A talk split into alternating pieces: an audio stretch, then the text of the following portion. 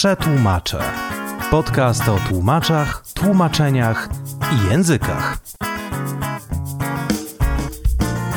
W naszym podcaście pojawiali się nauczyciele akademiccy, tłumacze, tłumaczki, nawet sportowcy i gwiazdy estrady. Tym razem mamy dla Was kogoś jeszcze z innej przysłowiowej beczki, mianowicie Karolina Suchecka, która jest podróżniczką i opowiada nam, jak język rosyjski otwierał jej drzwi podczas podróży po krajach byłego Związku Radzieckiego. Cześć, ja jestem Karolina Suchecka, pochodzę ze wschodniej ściany Polski, nazywanej zawsze Polską D, natomiast my zawsze dumnie mówimy, że to jest ostatni bastion Europy. Jestem internacjologiem, rosjoznawcą, gruzjofilem od już 8 lat, z ogromną miłością i pociągiem do, do, do wschodu, do krajów byłego Związku Radzieckiego, do Azji Centralnej. Trochę podróżowałam w życiu, trochę robiłam różnych rzeczy. Myślę, że dość ciekawych i chętnie tutaj uchylę rąbkę tajemnicy. Jak się w ogóle zaczęła u Ciebie fascynacja takim regionem?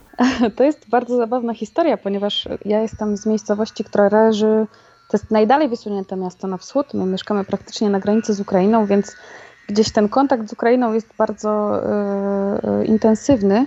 Ja też 11 lat tańczyłam w zespole ludowym, więc dużo gdzieś tam jeździliśmy na wymianę na Ukrainę z, z naszymi zaprzyjaźnionymi zespołami. Natomiast taka prawdziwa, świadoma miłość do, do wschodu i do języka rosyjskiego zrodziła się dopiero w liceum, ponieważ do liceum ja nienawidziłam języka rosyjskiego. Traktowałam naukę jego jako coś takiego, jako karę i, I zwykle y, zaliczałam y, przedmiot ucząc się rosyjskich piosenek. O. I w taki sposób zaliczałam przedmiot. Ciekawe. Tak, ja bardzo lubię śpiewać, z muzyką jestem związana od dziecka, więc tak wykorzystywałam jakoś tę, moją pasję, żeby zaliczyć ten znienawidzony rosyjski. Natomiast w liceum y, trafiłam na y, cudowną nauczycielkę, która gdzieś tam zaszczepiła w nas y, taką fascynację Rosją i, i w ogóle jakby postsowietami. Mm, I to jakoś tak mnie pchnęło. Pamiętam, że w ostatniej chwili zapisałam się na rozszerzoną maturę z rosyjskiego. W ostatniej chwili i, i, i, tak zdecydowałam, że a, spróbujemy, zobaczymy, co się wydarzy. No i faktycznie ta matura poszła mi nieźle, mm, mimo tego, że gdzieś tam późno się zabrałam za, za naukę. Yy, I, i znalazłam studia w Gdańsku, na Uniwersytecie Gdańskim, rosjoznawstwo. To był nowy kierunek, taki dość właśnie jeszcze nieokreślony, ponieważ dwie, dwa wydziały zajmowały się prowadzeniem tego kierunku, zarówno Wydział Historyczny, jak i Wydział Filologiczny. Więc taka ciekawa mieszanka. No i te studia już po prostu skradły moje serce i porwały mnie na całego, ponieważ y, i zarówno kadra, jak i program, też to, że y, kierunek był nowy, więc też nie do końca wszyscy wiedzieli, z czym to się je, łącznie z wykładowcami. I w pewien sposób mieliśmy taki wpływ na kształtowanie tego, tego kierunku i czego się właściwie uczyliśmy. Była ogromna dawka y, wiedzy, y, takiej bardzo szerokiej, ponieważ specjalizacją na tym kierunku, którą ja wybrałam, była biznesowo-gospodarcza, więc poza tym, że musieliśmy czytać rosyjską literaturę y, w oryginale, mieliśmy z tego cały czas kolokwia, oprócz tego, że musieliśmy poznać dogłębnie całą historię, mm, filozofię, to, to jeszcze mieliśmy przy tym podstawy właśnie prawa rosyjskiego, mieliśmy y, biznesowy rosyjski, naprawdę szeroki, szeroki kierunek i, i, wykładowcy z pasją. Też potem wkręciliśmy się w prowadzenie koła naukowego, organizowaliśmy imprezy dla rosjoznawców i dla rusofilów, także naprawdę świetnie wspominam ten czas i to był ten moment, kiedy naprawdę na całego rozkręciła się ta moja miłość do wschodu. Bardzo ciekawe, szczególnie, że tak obserwowałem w ciągu ostatnich 10-15 lat, raczej była jednak moda wśród y, ludzi młodych i dorastających na spoglądanie z fascynacją na zachód. Tak, tak, to jest prawda. To prawda. Wtedy, kiedy ja kończyłam liceum, to w ogóle niemiecki i hiszpański był y, totalnie na topie. Y, rosyjski był raczej postrzegany jako taki, nie chcę tu używać kolokwializmów, ale chyba najbliższe słowo jako taki wieśniacki trochę. Mhm, taki przaśny y, trochę, tak? Przaśny bardzo i, i, i, bardzo gdzieś tam wzbudzał tak, taki śmiech wśród znajomych. Natomiast dla mnie jako mm, osoby gdzieś tam muzycznie wykształconej, ten język śpiewa i gra. Jest taki bardzo muzyczny, taki bardzo intuicyjny też dla nas Polaków, moim zdaniem. Mm, I jest w nim coś takiego właśnie romantycznego, co mnie bardzo pociąga. I może, może dlatego właśnie w tę stronę poszłam. To były studia, ale potem przyszedł czas na podróżowanie i y, zetknęłaś się z praktyką, a nie tylko z teorią i książkami. Spędziłaś w podróży, tak ujmę to bardzo, bardzo ogólnikowo i zbiorczo, spędziłaś 8-9 miesięcy w podróży na wschód, bliski i daleki nam. Jak w ogóle wpadłaś na pomysł tak ogromnie długiej podróży? No tutaj y, muszę oddać y, raczej hołd mojemu mężowi, ponieważ to on był pomysłodawcą. Jest to szalony człowiek, który po prostu kiedy coś wymyśla, to rzuca wszystko i to robi. Wojciech Ziółkowski. Poznaliśmy się też w podróży. Mm, poznaliśmy się w Gruzji, w moim ukochanym kraju. Ja trafiłam tam na wolontariat. Byłam wtedy w trakcie pisania pracy magisterskiej o Polakach w Gruzji.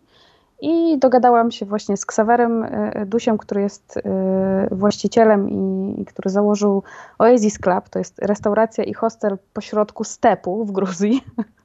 Też bardzo ciekawa postać, ciekawa historia. Mm, I trafiłam tam na trzy miesiące jako wolontariusz, e, żeby sobie gdzieś tam poobcować z gruzińską kulturą, no i też pobyć sobie z tymi Polakami, którzy tam pracują, prowadzą biznesy, żyją, przyjeżdżają. Natomiast mój mąż był wtedy w trakcie już ośmiomiesięcznej podróży y, y, z Polski do Gruzji na rowerze. Mm. Na rowerze. Tak, tak, tak. To robi wrażenie. I to był tylko etap jego podróży, ponieważ on planował y, razem z przyjacielem dojechać dalej aż do Australii. Natomiast jak to w życiu bywa, różne gdzieś tam perypetie i perturbacje życiowe się nam przytrafiają jego przyjaciel rowerowy poznał miłość życia i postanowił porzucić dalszy pomysł podróżowania, natomiast my mm, od pierwszego uściśnięcia dłoni również nie mieliśmy wątpliwości co do tego, czy, czy gdzieś tam chcemy ze sobą być. Już po dwóch tygodniach od poznania się mój mąż mi się oświadczył na suchym moście w Tbilisi. Jakie to, to jest pięknie romantyczne, filmowe wręcz. Z jednej strony tak, ale proszę sobie wyobrazić e, szok moich rodziców, kiedy po miesiącu w Gruzji napisałam im, że jestem zaręczona. No nie życzę tak. tego żadnemu rodzicowi. I wtedy ja powiedziałam, że dobrze, w takim razie jadę z tobą dalej tym rowerem. E, ale był warunek taki, że ja muszę skończyć studia. Został mi ostatni rok studiów, e, więc musiałam wrócić do Polski po tym wolontariacie. E, mój mąż został jeszcze na jakiś czas w Gruzji. Potem wyjechał za granicę trochę zarobić, potrzebowaliśmy pieniędzy na kontynuację tego wyjazdu. Mm, no i kolejna taka perturbacja życiowa, taki przecinek w tej historii. Dwa tygodnie przed naszym wylotem, mieliśmy wylatywać w lipcu z rowerami do Gruzji, skąd mieliśmy kontynuować rowerową podróż. Mój mąż jadąc po, po, po wizy chińskie miał odebrać nasze paszporty E, uległ bardzo poważnemu wypadkowi samochodowemu, mm, który zupełnie położył nasze plany. Zresztą też, no można powiedzieć, że Wojciech gdzieś tam e, cudem e, się z tego wykaraskał. Mm, no i znowu musieliśmy prze, przemyśleć nasze plany i, i gdzieś tam ułożyć sobie na nowo kolejne, kolejne lata, miesiące. No ale jak już mówiłam, mój mąż to jest wariat i, i taka bardzo zapalona i osoba. Y, zawziął się, w, w rok stanął na nogi i powiedział: Dobra, planujemy dalej, musimy wyjechać. Może już nie na rowerze, ponieważ gdzieś tam jego zdrowie nie pozwalało na to, ale powiedzieliśmy: Nie ma takiej opcji, musimy wyjechać, tak jak sobie postanowiliśmy. Mm, I po, po dwóch latach od wypadku, jeszcze w międzyczasie wzięliśmy ślub spontanicznie i, i spakowaliśmy plecaki i w sierpniu po Woodstocku, świętując nasz wyjazd z przyjaciółmi, wylecieliśmy e, samolotem do Kijowa, a z Kijowa pierwszym już takim naszym poważnym azjatyckim e, przystankiem wschodnim był Kazachstan. Powiedz mi, podróżowaliście wiele miesięcy, No, z różnymi, tak jak wspomniałaś, przerwami i przecinkami, wasza podróż trwa już lata. I jaką w tym rolę odgrywają języki? No bo wspomniałaś, że po pierwsze jesteś wykształcona, po drugie jesteś rusofilką, więc ten język rosyjski gra ci w sercu i w głowie. Czy rosyjski otwierał wam wszystkie drzwi przez całą podróż? To jest bardzo zabawne, ale tak. Yy, oczywiście, że w Azji Centralnej, gdzie Kazachstan, Kirgistan, y, w tych wszystkich krajach mówi się świetnie po rosyjsku. Nawet bym powiedziała, że gdzieś tam w porównaniu do Gruzji, która zwykle była oporna na język rosyjski i mówi takim swoim gruzińskim rosyjskim, to, to Kirgistan, Kazachstan wypadają naprawdę świetnie y, pod tym względem. W Kazachstanie nawet taka ciekawostka, bez znajomości rosyjskiego nie można dostać żadnej poważnej pracy Y, ponieważ rosyjski jest taką podstawą, mimo że Kazachowie mają swój własny język. Mm, więc oczywiście gdzieś tu po drodze ten język y, rosyjski y, spełniał swoją rolę, pozwalał mi zbliżyć się do, do, do naszych znajomych na miejscu, gdzieś tam otwierał różne drzwi. Natomiast ku mojemu zdziwieniu mm, mieliśmy, odbywaliśmy wolontariat na wyspie Fukuok, to jest południowy Wietnam. I uwaga, przypłynęliśmy tam promem, wjeżdżamy gdzieś pod wieczór już y, na, na skuterze do centrum tej miejscowości i naszym oczom ukazuje się multum y, billboardów i reklam i szyldów po rosyjsku. No proszę. Ja przez pierwszy moment byłam pewna, że nie wiem, pomyliliśmy promy, po prostu dopłynęliśmy do Rosji. Gdzie my jesteśmy?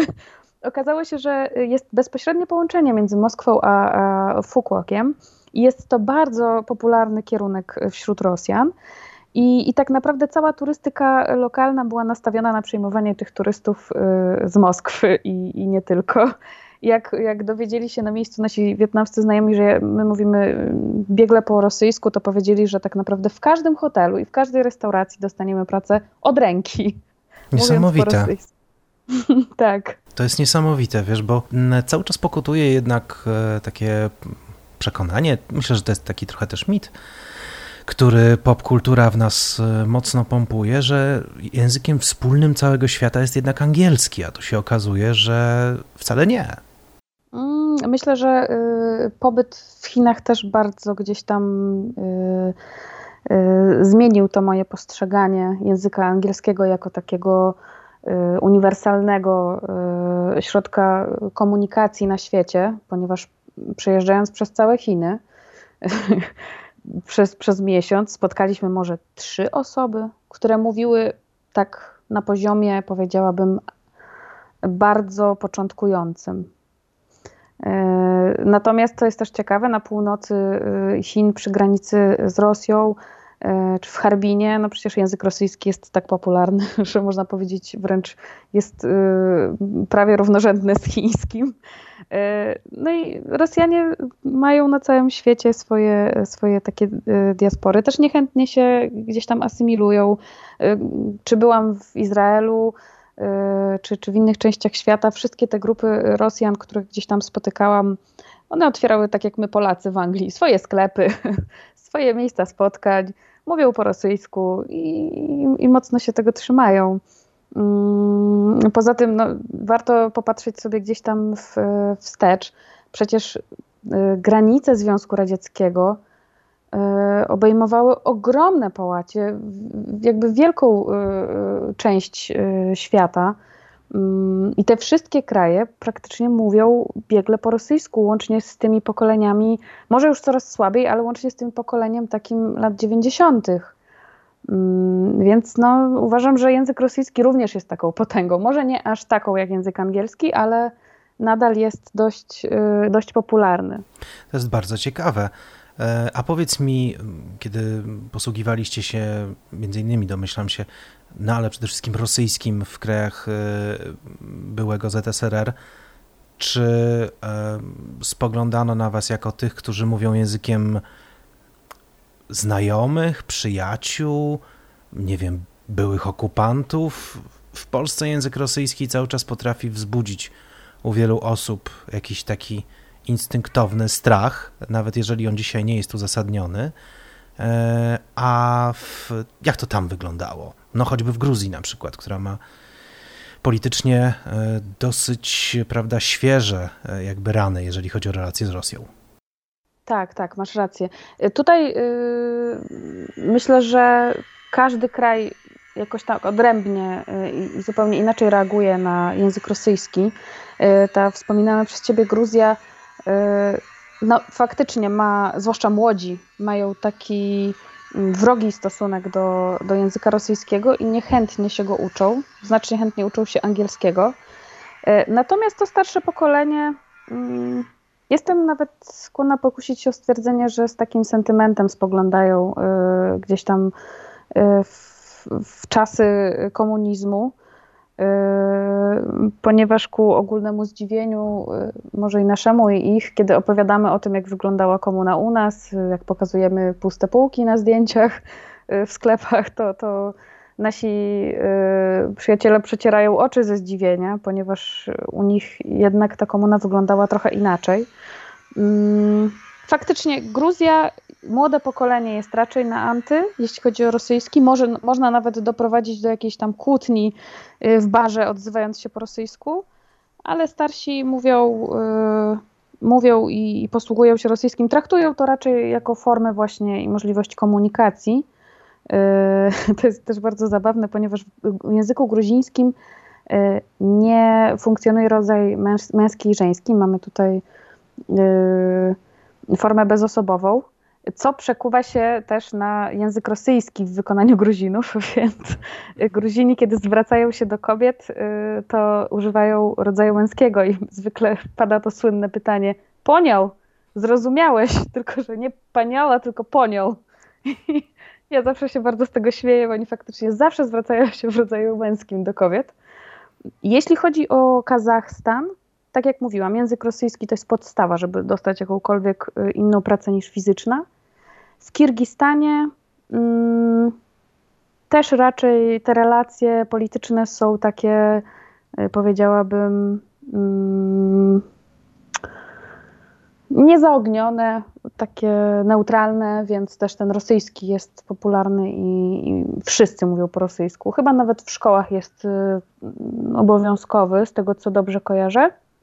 E, Armenia też posługuje się rosyjskim przez swój romans e, z, Rosją i, przez to, że Rosja pomaga im nieustannie i gdzieś tam z nimi współpracuje.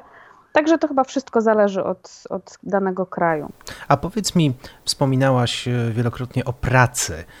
Domyślam się, że jak podróżowaliście, no to nie podróżowaliście z workiem pieniędzy na plecach, tylko w konkretnych prawda, miejscach e, znajdowaliście zatrudnienie, zbieraliście środki, jechaliście dalej. I właśnie, jak ten język rosyjski w pracy, do, do jakich, nie wiem, do jakich prac, do jakich zajęć otwierał wam drzwi w różnych miejscach?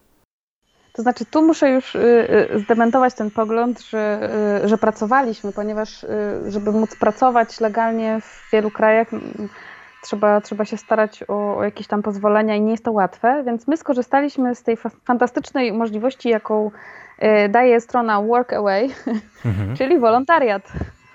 Mm, zaplanowaliśmy sobie praktycznie w każdym kraju, który odwiedzaliśmy, e, jakiś wolontariat. Z niektórymi kontaktowaliśmy się z wyprzedzeniem, e, niektóre wolontariaty gdzieś tam znajdowaliśmy tuż przed przyjazdem do danego kraju.